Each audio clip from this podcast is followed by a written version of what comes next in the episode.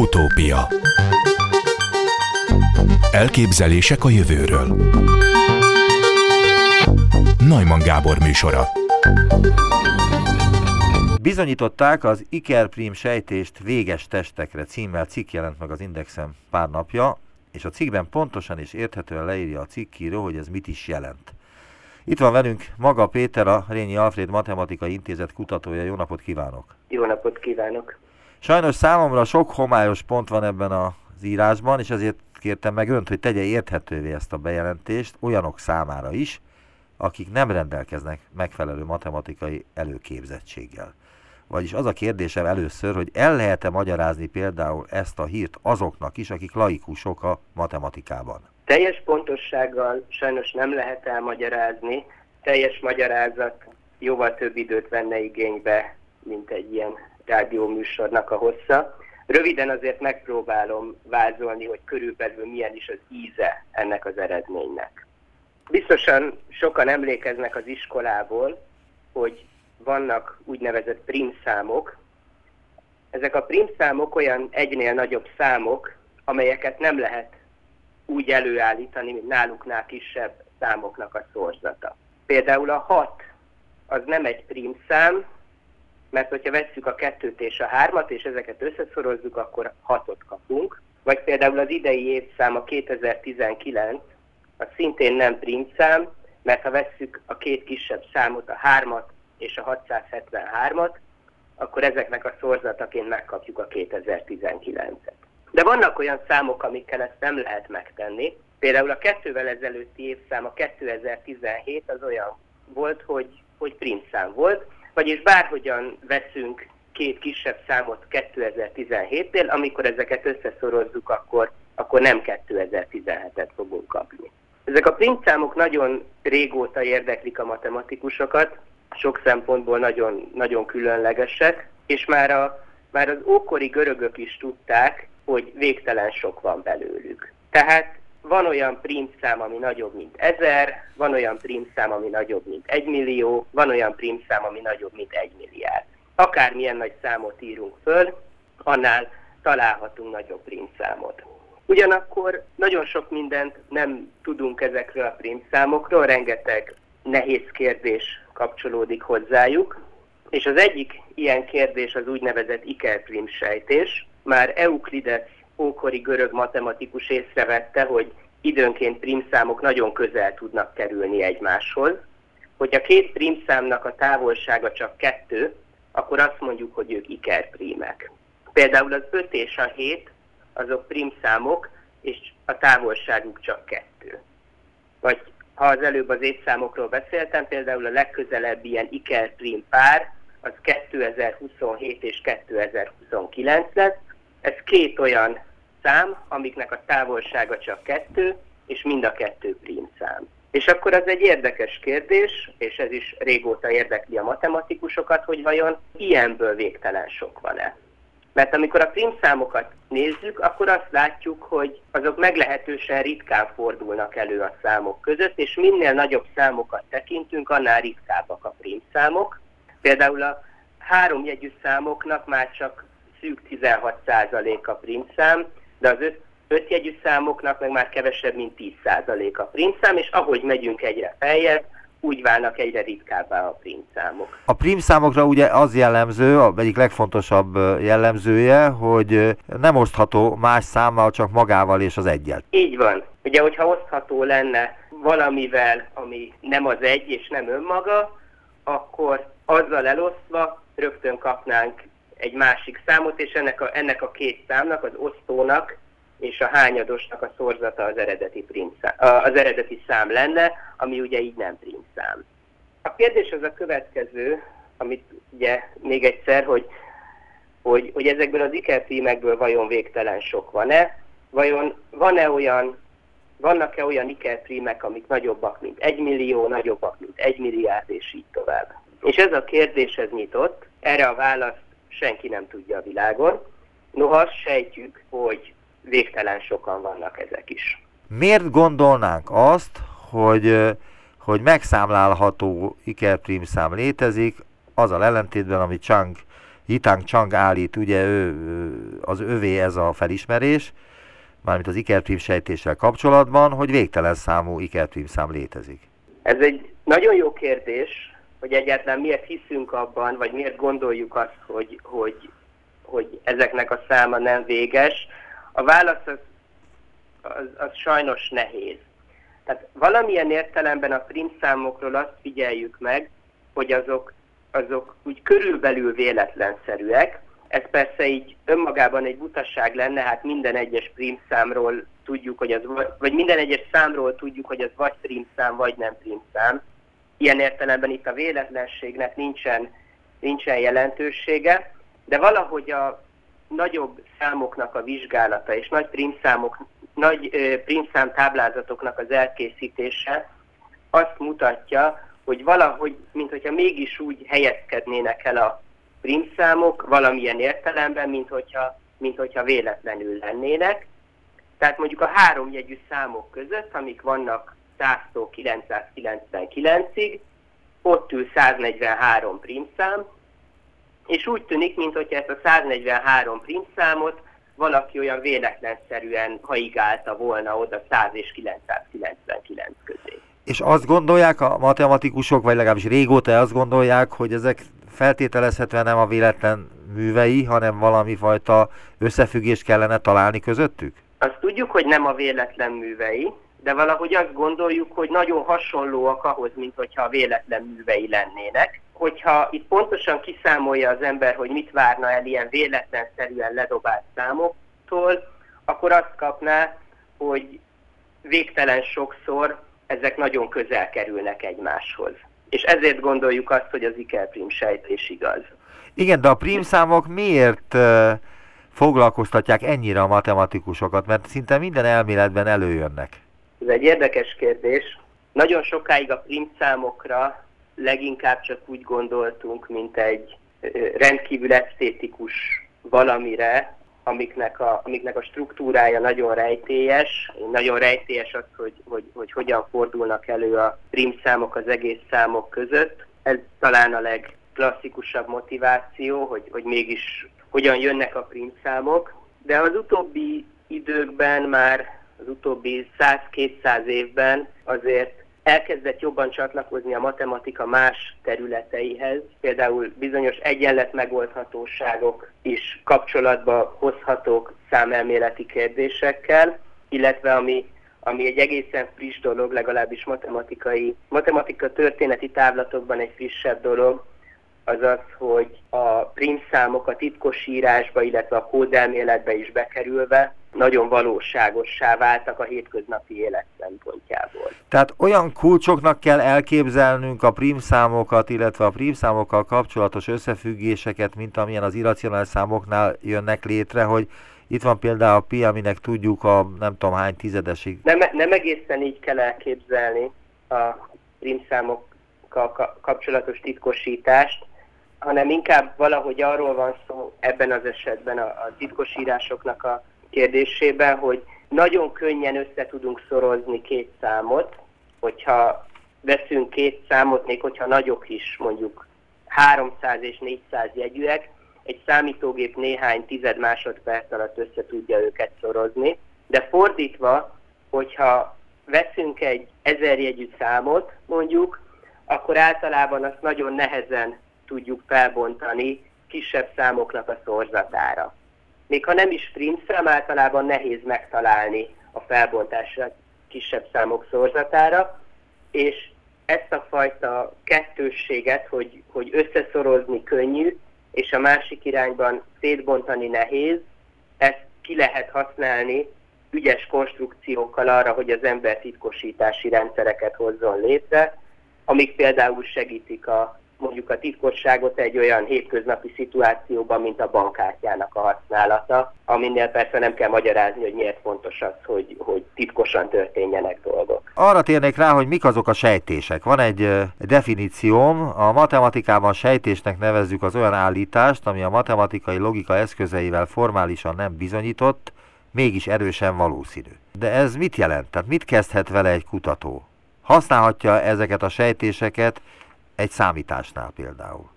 Hát a matematikai alapkutatásban jellemzően ezeket a sejtéseket megpróbáljuk bebizonyítani.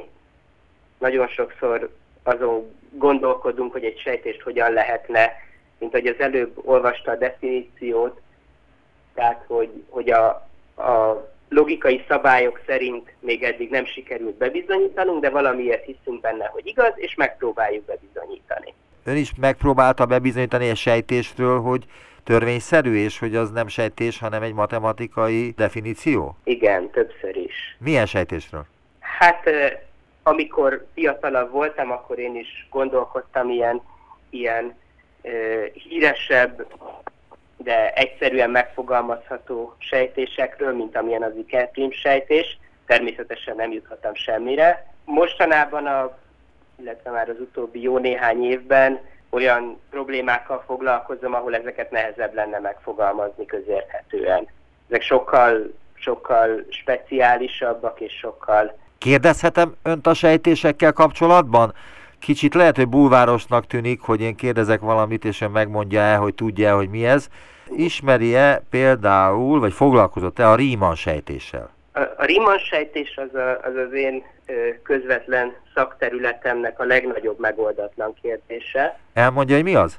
Hát ez megint nagyon nehéz lenne és nagyon messzire vezetne, de kapcsolatban hozható például a primszámoknak az eloszlásával. Tehát valamilyen értelemben azt, hogy milyen pontosan tudjuk megmondani, hogy hány mondjuk ezerjegyű primszám van, azt valamilyen értelemben a Riemann sejtés segítségével lehetne nagyon pontosan kontrollálni. Az ABC sejtés micsoda?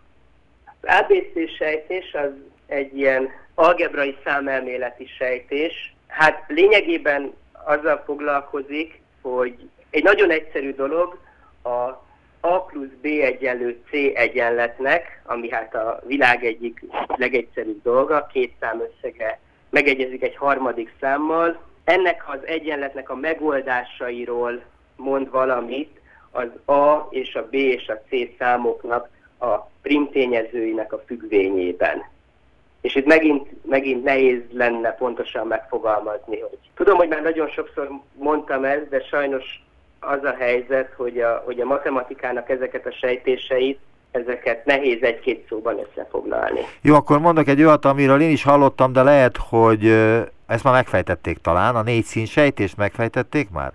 Igen, igen, azt könnyű elmagyarázni. Megtenni? Mert én nem tudom könnyen elmagyarázni, nehezen se. Tehát, hogyha vesz az ember egy térképet, amely térképen országok vannak, még egyelőre a térkép nincsen kiszínezve, csak az országhatárok vannak behúzva. És ki szeretnénk színezni a térképet, mert ugye úgy mégis jobban látszik, és az állítás az az, ezt sokáig sejtették, hogy mindig ki lehet színezni a térképet úgy, hogy csak négy színt használunk, és mégis a szomszédos országok azon különböző színűek. Tehát, hogy bármilyen kúszán vannak az országok a térképen, bármilyen zavarosak a határok, mindig, mindig ki lehet a tartományokat úgy színezni, hogy a szomszédos tartományok azok különböző színűek. Tehát négy szín elég bármilyen térképnek a megrajzolásához. Így van, így van. És ezt a sejtést, ezt hát nem tudom, valamikor a, valamikor a 80-as vagy 90-es években bizonyították be. És ez nagy dolog egyébként? Ez egy nagy sikernek számít a matematikusoknál, hogyha valaki egy ilyen sejtést, amit évszázadok óta foglalkoztatja a matematikusokat, megold?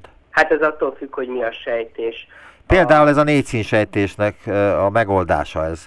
A, a négyszínsejtésnek a megoldása az egy, az egy viszonylag nagy dolognak számított. És például, ha jól emlékszem, talán a 90-es évek végén fejtették meg a nagy ferma sejtést. Hogy az, az mi volt, és hogy miért volt az olyan nagy dobás, mert akkor tele volt vele a sajtó. A ferma sejtés az egy nagyon hosszan fennálló nyitott kérdés volt, azt hiszem, hogy körülbelül olyan 250 évig, de lehet, lehet, hogy inkább 300 évig volt nyitott, és ez egy nagyon könnyen megfogalmazható sejtés. Nevezetesen azt mondja ki, hogy ha vesz az ember két darab ennedik hatványt, mondjuk két darab tizedik hatványt, akkor azoknak az összege nem lehet megint egy tizedik hatvány, ha csak nem a számoknak valamelyike nulla, illetve van egy kivétel, amikor ez a hatvány éppen a kettő. Tehát az elég gyakran előfordul, hogy két négyzetszám összege egy harmadik négyzetszám, de az már soha nem fordul elő, hogy két köpszámnak az összege megint egy köpszám lenne. Aha, és ha jól tudom, ezt a Ferman nevű matematikus írta a valamilyen bizonyítás szélire, hogy A az ennediken szorozva B az ennediken, az egyenlő C az ennediken, akkor, hogyha n nem egyenlő kettővel, ugye? Ö, tehát, hogy, hogy akkor ennek az egyenletnek nincsenek megoldásai, és ez nagyon sokáig izgatta a matematikusokat, és nem csak a matematikusokat, hanem a laikusokat is, mert hogy nagyon könnyű megfogalmazni, ellentétben például a Riemann sejtéssel, és ezért rengeteg bizonyítási kísérlet született, ezek sajnos sohasem voltak teljesek, soha nem voltak befejezhetők, egészen az 1990-es évek elejéig, amikor Andrew Wise-nak sikerült előállnia egy teljes bizonyítással, természetesen építkezve egy csomó korábbi munkára.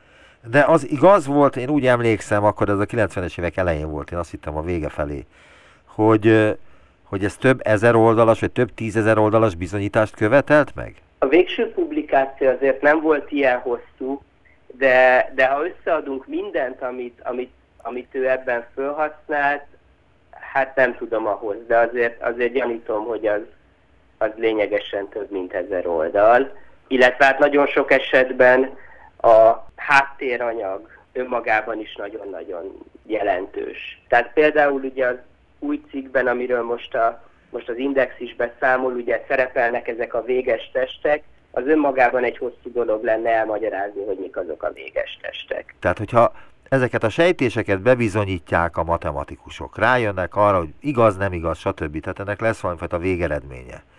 Akkor ez, ezek mire használhatók? Mire használható a négy szint sejtés, a Ferma sejtés, az Ikerprim sejtés, stb. A Goldbach sejtés? Jellemzően ezekre a kérdésekre, amikor választ kapunk, az a matematikának csak egy belső fejlődését jelenti. Nem okoz ez a külvilágban semmilyen, semmilyen változást. De nem tudhatjuk azt, hogy 500 év múlva nem lesz ez esetleg egy fontos eleme az akkori számításoknak. Így van, ez az, amit nem tudhatunk, és, és általában pont, pont ilyen a tudománynak a fejlődése, legalábbis a általában nem tudom, hogy ilyen a tudománynak a fejlődése, de, de, de a matematika esetében nagyon sokszor igaz az, hogy valamivel azért foglalkozunk, mert szép és érdekes, vagy mert megkérdezte a kolléga, és a mi fantáziánkat is felizgatta az adott kérdés, és aztán adunk rá egy választ, vagy esetleg nem adunk rá választ, csak próbálkozunk vele, de ez, ezt önmagában csak a, csak a saját belső igényeinknek megfelelően dolgozzuk ki. Tehát a, legalábbis az alapkutatáson belül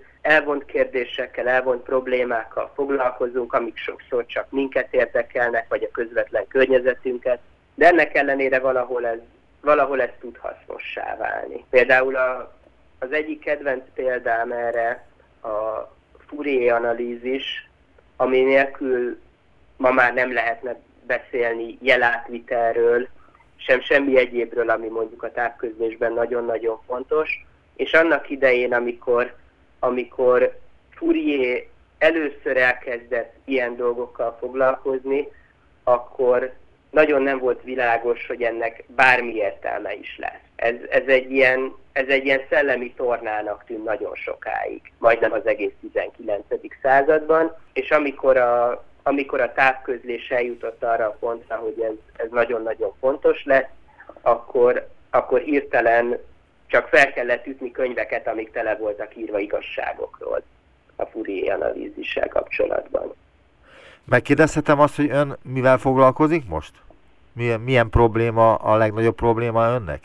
Megint kitérő válasz fogok adni, hogy ez túl hosszú lenne és túl bonyolult lenne, hogy elmondjam.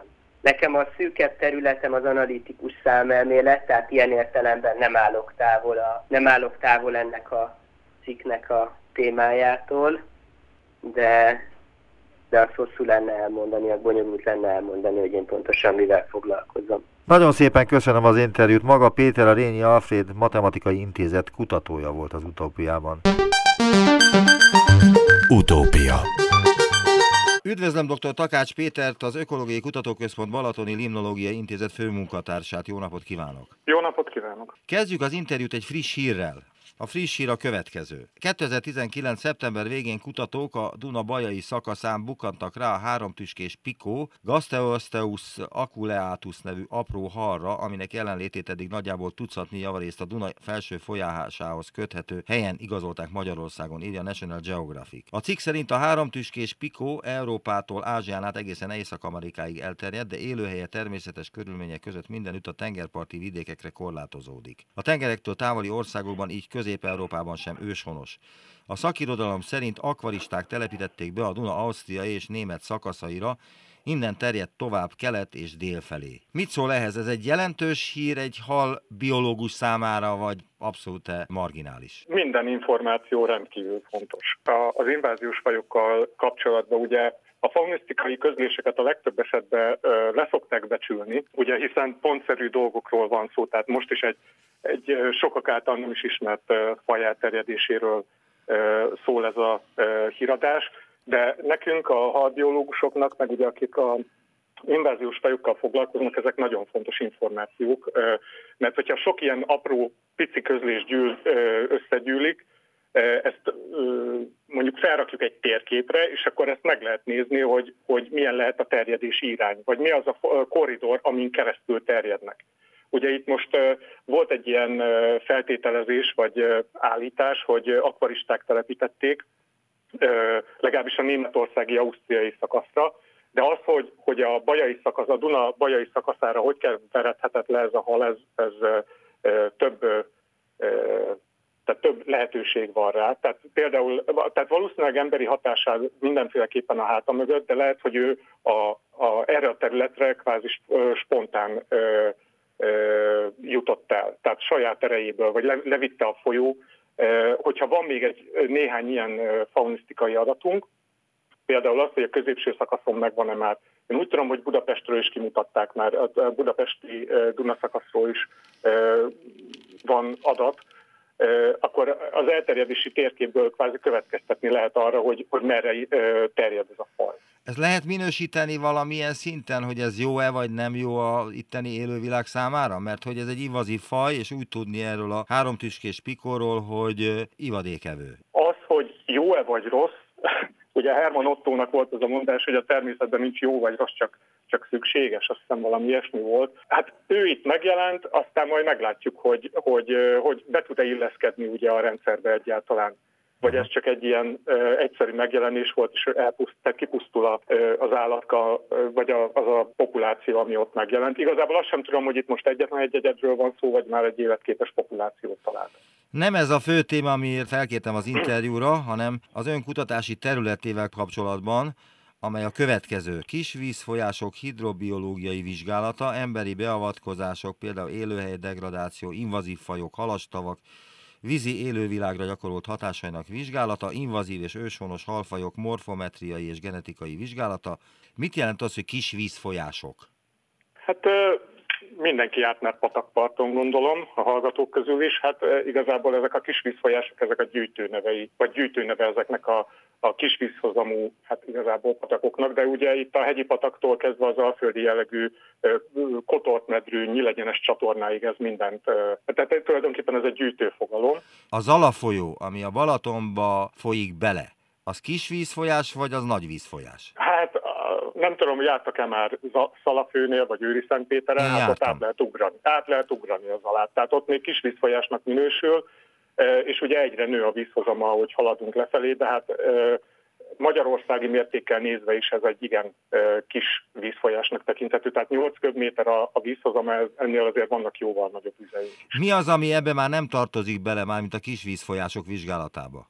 Hát a, igazából a, a nagyobb, ö, nagyobb vízhozamú folyókkal, ugye ott, hogy is mondjam, igazából amelyeknek ilyen 30-40 méteres széles, 30-40 méter széles már a medre, és nagyobb vízhozama, nagyon változatos a, az élőhelyi, élőhely kínálata úgymond, oda, oda azért komoly felszerelés, nagyszámú ember szükséges. Tehát megmondom őszintén, hogy én azért is kezdtem el kisvízfolyásokkal foglalkozni annó, mert adottságok úgymond a felszereltség, stb. erre adott lehetőség. 2005 óta dolgozik a Limnológiai Intézetben, és azt írja, hogy a balatoni vízgyűjtő kisvízfolyásaiban élő halálományok feltérképezését jelölték meg feladatául akkoriban, 2005 környékén. Ez 14 év, tehát 14 év telt el azóta. Megkérdezhetem öntől, hogy milyen volt akkor a Balaton élővilága, és milyen most? Tehát mennyit változott, Balaton... igen, 14 év alatt az, amit ön vizsgál? Hát ugye az első dolog az, hogy itt van 30 valahány állandó vízű vízfolyás, ami táplálja úgymond a Balatont. Ezek rendkívül fontosak, ugye, mert a Balaton vizének körülbelül a fele az a vízfolyásokon keresztül jut be a, a Balatonba, ugye a másik fele az a közvetlenül tófelszínre hulló csapadék. És az, hogy ezeknek a patakoknak milyen a vízminősége, az alapvetően befolyásolja a tóvíz minőségét is. Amikor én ide kerültem az intézetbe, konkrét vizsgálatok, tehát folyamatos monitorozó vizsgálatok nem folytak a balatoni vízgyűjtőn, tehát úgy mond, mondhatjuk azt, hogy, hogy főleg a tóra koncentráltak a, koncentrálódtak a kutatások, pedig például azt, hogy, hogy a 70-es, 80-as években igazán gondok voltak a vízminősége, ugye az eutrofizációval, az, az főleg a, a befolyó vizek miatt alakult ki, mert hogy nagy ö, szerves anyag meg foszforterhelést ö, kapott a tó. Amikor ide kerültem, akkor hát meg kellett ismerni a területet, bejártuk itt a kollégákkal, és monitorozó pontokat jelöltünk ki. Körülbelül 60 mintavételi helyünk van a teljes vízgyűjtőn, ugye ez ilyen hat, majdnem 6000 négyzetkilométer ez a terület, a Balatonnál körülbelül 10-szer nagyobb a, a vízgyűjtő, és az összes jelentősebb vízfolyásról hát végül is 2005 óta adatsorok állnak most már rendelkezésre, és hát ezeket az adatsorokat most már ezt azért lehet nevezni szerintem hosszú távú adatsornak lassan, vagy középtávúnak, hogyha elemezzük, akkor ebből érdekes információkat lehet leszűrni. Az országos léptékű felmérések során gyűjtött recens halfaunisztikai adatsorok felhasználásával Habitat típusonként országos szinten elemeztük az idegenhonos halfajok elterjedés mintázatait, illetve rámutattunk a halastavak idegenhonos halfajok terjedésében betöltött alapvető szerepére, írja ezt önt.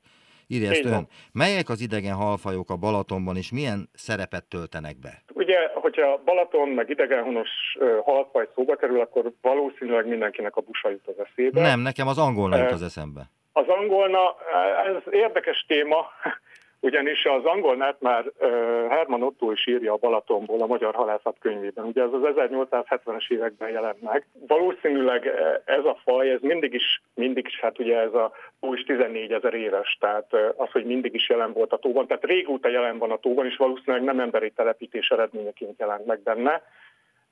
A probléma ami ugye itt az angolna döglésben realizálódott, az, az a 60-as években lett emberi hatása előállítva. Mert hogy akkor túl, telepítettek. Túl telepítették. Igen, telepítettek. Te, telenyomták a Balatont ugye angolnával, mert ennek nagyon jó piaca van ennek a halnak, és elnézést, ugye, nem tudom, elnézést hogy kérdezem meg, hogy én úgy tudom, hogy a, Balat, a Balatonban nem szaporodik az angolna, tehát Így újra van, kellett évente telepíteni igazából nem ezért telepítették újra, hanem van egy, ennek egy életciklusa van, ugye felnő édesvízben, szépen elvándorol a, a folyókon keresztül a e, Szargasszó-tengerbe, ami ugye ott a Karib-szigetvilág környékén van, néhány ezer méteres mélységben leívik, ott valami történik, ezt a mai napig nem tudjuk, és az ivadék ugye a golfáramlattal az európai angolna ivadékai visszajönnek, és a, a felvándorolnak ugye a, a szülők ö, arra a területre, ahonnan a szülők elindultak. Tehát egy szép életciklusa van. Ugye a Balaton ebből a szempontból nagyon hasznos haltenyésztő helynek bizonyult, mert hogy itt a Sió Zsilipen keresztül lehet csak leereszteni a Balaton. Tehát egy kiárata van a rendszernek, hogyha ebbe beleraktak egy, egy csapdát, ugye egy varsát vagy egy szűrőt, akkor a, a ívásra elinduló angolnákat kvázi energiabefektetés, tehát pénzügyi befektetés nélkül meg lehetett fogni. A németek lábon vitték el úgymond a, a halat, ez ilyen kicsit pejoratív, de ott álltak a kamionok a, a Sió Zsilipnél, és lehetett belepakolni, élve vitték el a halat Németországba, korlátlan mennyiséget el tudtak belőle adni. Ennek mi volt a baja? Azt, hogy... Tehát mi volt a kára ennek? Tehát milyen kárt okozott a Balaton élővilágában, hogy az, hogy az angolnát itt tenyésztették? Hát ugye az angolna olyan helyekre is be tudott például kúszni, ahova a többi ragadozó faj nem tudott eljutni, például a kövezésekbe el tudott jutni. Tehát a kövez, kövezés kövei közé be tudott jutni, és ugye az ott rejtőzködő rákokat például végül is hát kizabálta a Balatonból. Ugye a kecskerák az egy karakterisztikus faja volt a, a Balatonnak, és a 60-as, 70-es évek környékén teljesen, majd hogy nem teljesen eltűnt a Balatonból, de mondhatjuk ezt a, a mennyhalnak az eltűnését ben is szerepet játszhatott, bár itt ilyen klímaváltozásos dolgok is valószínűleg szerepet játszottak, de én olvastam például publikációkat a sügérről. A 80-as évek végén már arról folyt a diskurzus, hogy a sügeret, ami Magyarország egyik legelterjedtebb halfaja, a Balatonba honnan fogják visszatelepíteni, mert már azt is, az is majdnem eltűnt a tóból. Tehát ez volt a probléma, hogy volt egy alapvetően őshonosnak mondható faj a tóban, de ezt nagyon-nagyon túl, tehát túltelepítették, és hát ez egy idő után megbosszulta magát. Ugye az élővilágot teljesen átalakította, legalábbis a parti élővilágát, illetve ugye megjelent egy parazitája a 80-as évek végén, vagy 90-es évek elején, ez a lég, tehát úszóhólyag élősködő féreg, ami, ami hát az állomány jelentős részét kiírtotta. Ugye a 90-es évek elején volt egy-két nagyobb döglés, hát az, az a turisztikai szezonnak. Nem Csak az angolnákat pusztított el az ez, a betegség? Igen, ez, ez fajspecifikus élősködő volt. Tehát Most már nincs a Balatonban angolna? Van benne, de igen, sokkal, de sokkal kevesebb.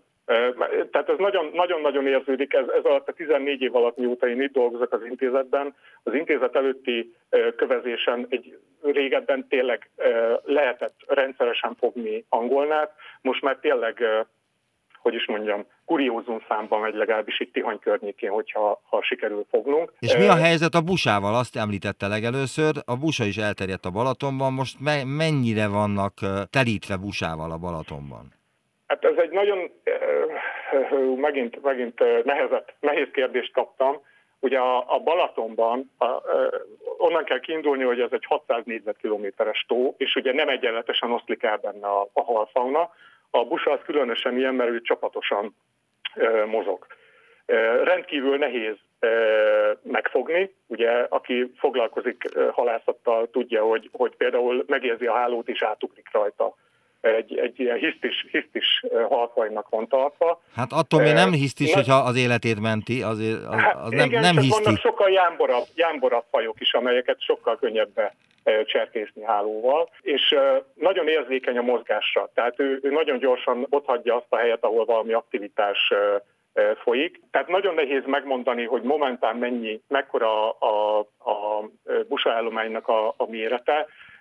Folynak, vagy folytak régebben hidroakusztikus, tehát ilyen radaros mérések, amivel megpróbálták megbecsülni a halbiomassa méretét, és ezen belül ugye a busákért ezt elég könnyű elkülöníteni a többi haltól, mert azt mondják, hogy ami egy méter fölötti, mármint a, a, a test hossza egy méter fölötti, az valószínűleg az busa lesz és ez tényleg valószínűleg így is van. Az a baj, hogy, hogy rendkívül mozgékony hal, és nagyon nagy területet kell átvizsgálni. És még nehezíti a vizsgálatot az is, hogy ez egy rendkívül sekétó, tehát körülbelül 3 méter az átlagmélysége, és ezek a módszerek, ez a hidroakusztikus módszer, ez, ez inkább mélyebb tavakra van kifejlesztve, meg tengerekre. Igen, de lehet arról mondani valamit, hogy jelenleg milyen a Balaton hal populációja, hiszen ma már ugye tilos a Balatonban halászni. Kutató halászatok azért folynak, tehát itt, itt vannak mindenfajta ö, eseti engedélyek kiadva arra, hogy, hogy valamilyen adatot azért tudjuk produkálni a, a túról.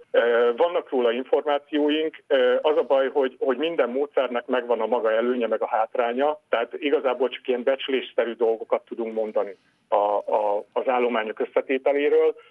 Vannak olyan közlések, amik jelentős busapopulációt jeleznek a tóból, tehát több száz tonnás mennyiséget. Megmondom őszintén, hogy, hogy mióta megvan tiltva a halászat azóta, tehát ugye 2012-ben lett betiltva, úgy emlékszem, azóta nem nagyon tudjuk mi sem követni a, a, az állományokat. Ugye régebben a Balatoni Halászati ZRT most nem tudom pontosan mi a neve, de a hallgazdálkodási szervezet egy célzottan a busát gyérítette a Balatonban. Tehát ezek a nagy hálók, amik ki voltak rakva, illetve ezek a kerítőhálók, én úgy tudom, hogy, hogy a, a gyérítését szolgálták elsősorban, és a fogási statisztikák is nagyon jól mutatták, hogy, hogy a 2000-es évek elejétől kezdve a busa és az angolna volt a két legfontosabb csoport, amit, ami, amire szelektálva mentek úgymond a halászok. Ugye itt van egy nagyon régi, 50-es évek óta tartó, nem is tudom, ellentét a horgászok meg halászok között, ugye erről nagyon sokat hallani, meg talán Ön is hallott róla, hogy a horgászok azt mondták, hogy a halászok elfogják előlük a halat. Én ebben nem nagyon akarok állást foglalni, mert a tónak van egy, van egy olyan produkciós képessége, hogy több ezer tonna halat meg tud teremni egy évben. Én szerintem, tehát évtizedekig működött egymás mellett a horgászat és a halászat, nem... Világos, tehát akkor ön hibának tartja, tehát akkor ön hibának tartja azt, hogy betiltották a halászatot a Balaton. Nem, én nem mondanám ezt, mert, mert ugye ez egy gazdasági haszonvétele volt a tónak. Most van egy másik haszonvétele, akik a horgász érdekeket képviselik, ők számszakilag be tudják, vagy be tudnak mutatni nekünk, tehát tudnak kimutatásokat adni, ami szerint egy kiló halat egy horgász jóval több pénzért fog meg, úgymond, mint hogyha ezt egy halász tesz. Ez, Tehát itt de hát ez a, mindig vannak így volt. kapcsolt dolgok. Ez az elmúlt 30-40 évben így volt mindig is. E, így van, így van. Csak most, hát most úgy fordult a világnak a kereke, hogy itt a, a horgászok akarata érvényesül, úgymond, és hát... Hát mert az egy turisztikai értékké vált, hogyha a horgászat az már nem egy ilyen szegény ember sportjáként működik, hanem hát elég sok pénzbe kerül a horgászat, Így az van. engedély, Így utazás, van. horgászfelszerelés, stb. És vissza kell dobni a halat.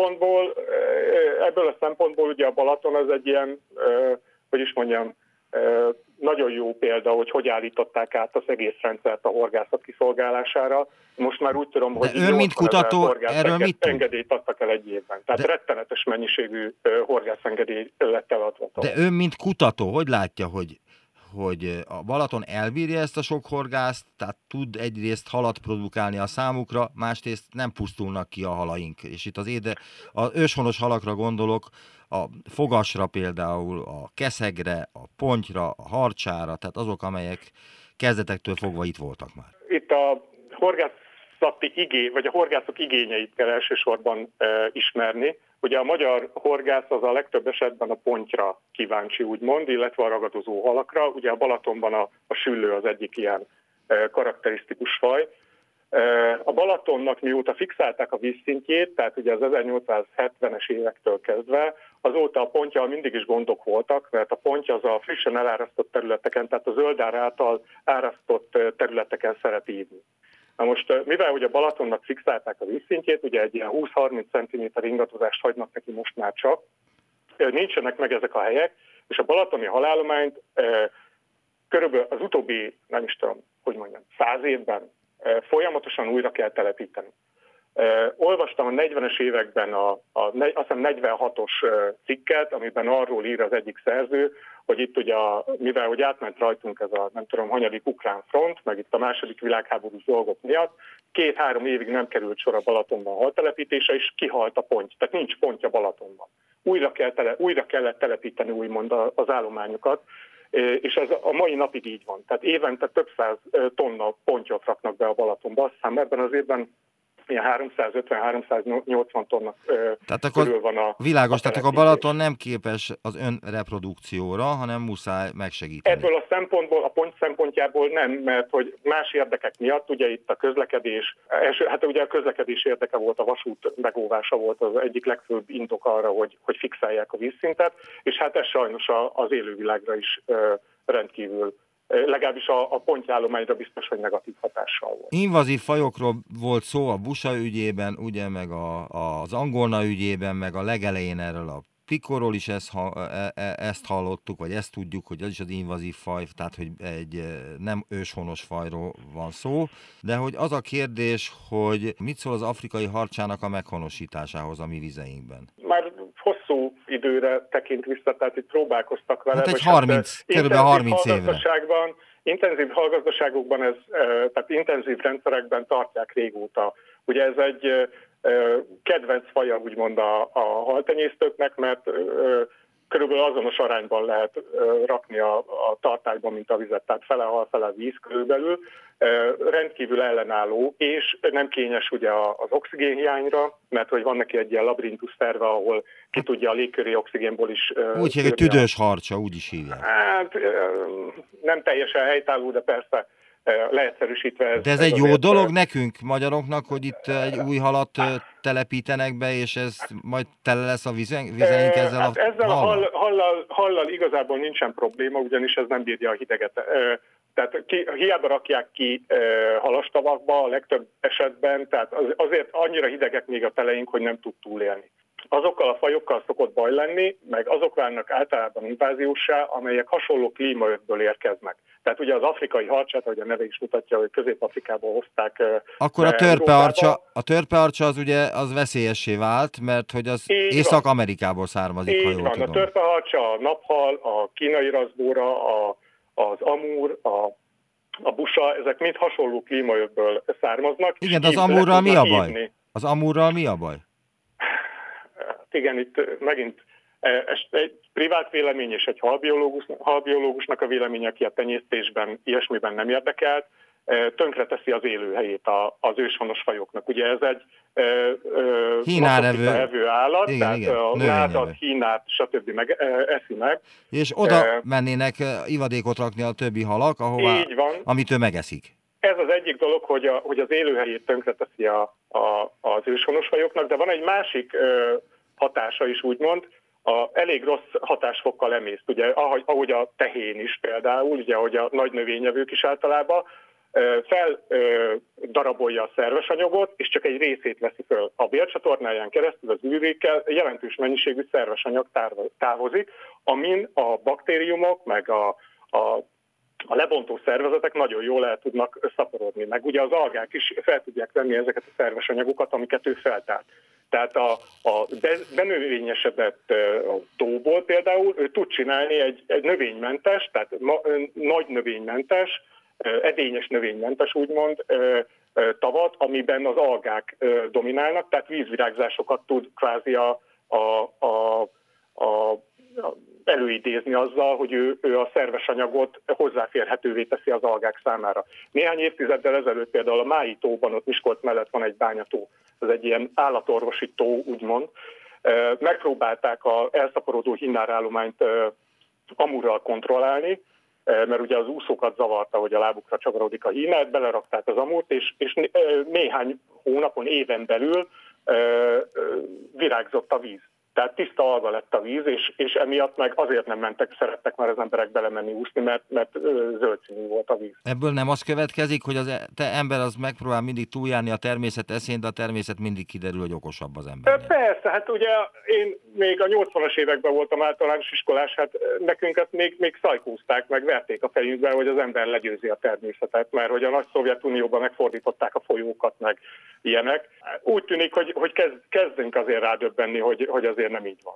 Tehát a, a természetet e, mi megregulázni nem tudjuk, ugye utána jött ez a fenntartható fejlődéses dolog, ami, is ez megint privát vélemény, de én szerintem ez hosszú távon megint nem igazán működhet. A természet az reagál arra, hogyha őt, őt böködjük megmondom őszintén, akkor, hogy nekem ez a véleményem, akkor... és, és egy idő után meg fog úgy változni, megváltozhat úgy a rendszer, ami nekünk nem lesz élhető. Tehát az életet, az életet azért kiírtani a bolygóról nem, tehát ember, emberi léptékben nem nagyon lehet. Tehát ehhez valami nagyon komoly katasztrófának, tehát Na várjunk, csak itt van, ez, itt van a sarkon ez a katasztrófa, a globális felmelegedés, és ha, ha már katasztrófáról van szó, akkor a halak reagálnak-e erre, vagy ha reagálnak, akkor hogyan reagálnak erre?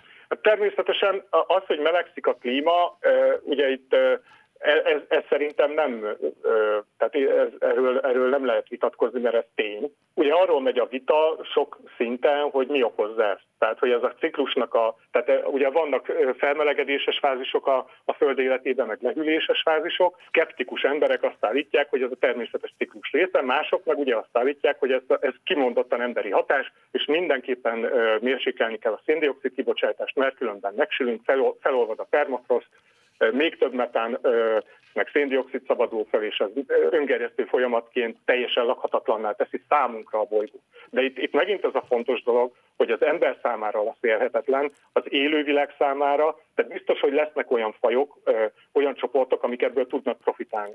Tehát olyan, olyan dolog, ami, ami a teljes pusztulást okozná, olyan valószínűleg nem tud történni az emberi hatás által. Hiába vagyunk lassan 8 milliárdan, Annyi van, hogy saját magunk számára tehetjük lakhatatlanná a bolygót. Köszönöm szépen az interjút, dr. Takács Péter, az Ökológiai Kutatóközpont tudományos főmunkatársa volt az utópiában. Viszont halásra! Köszönöm szépen!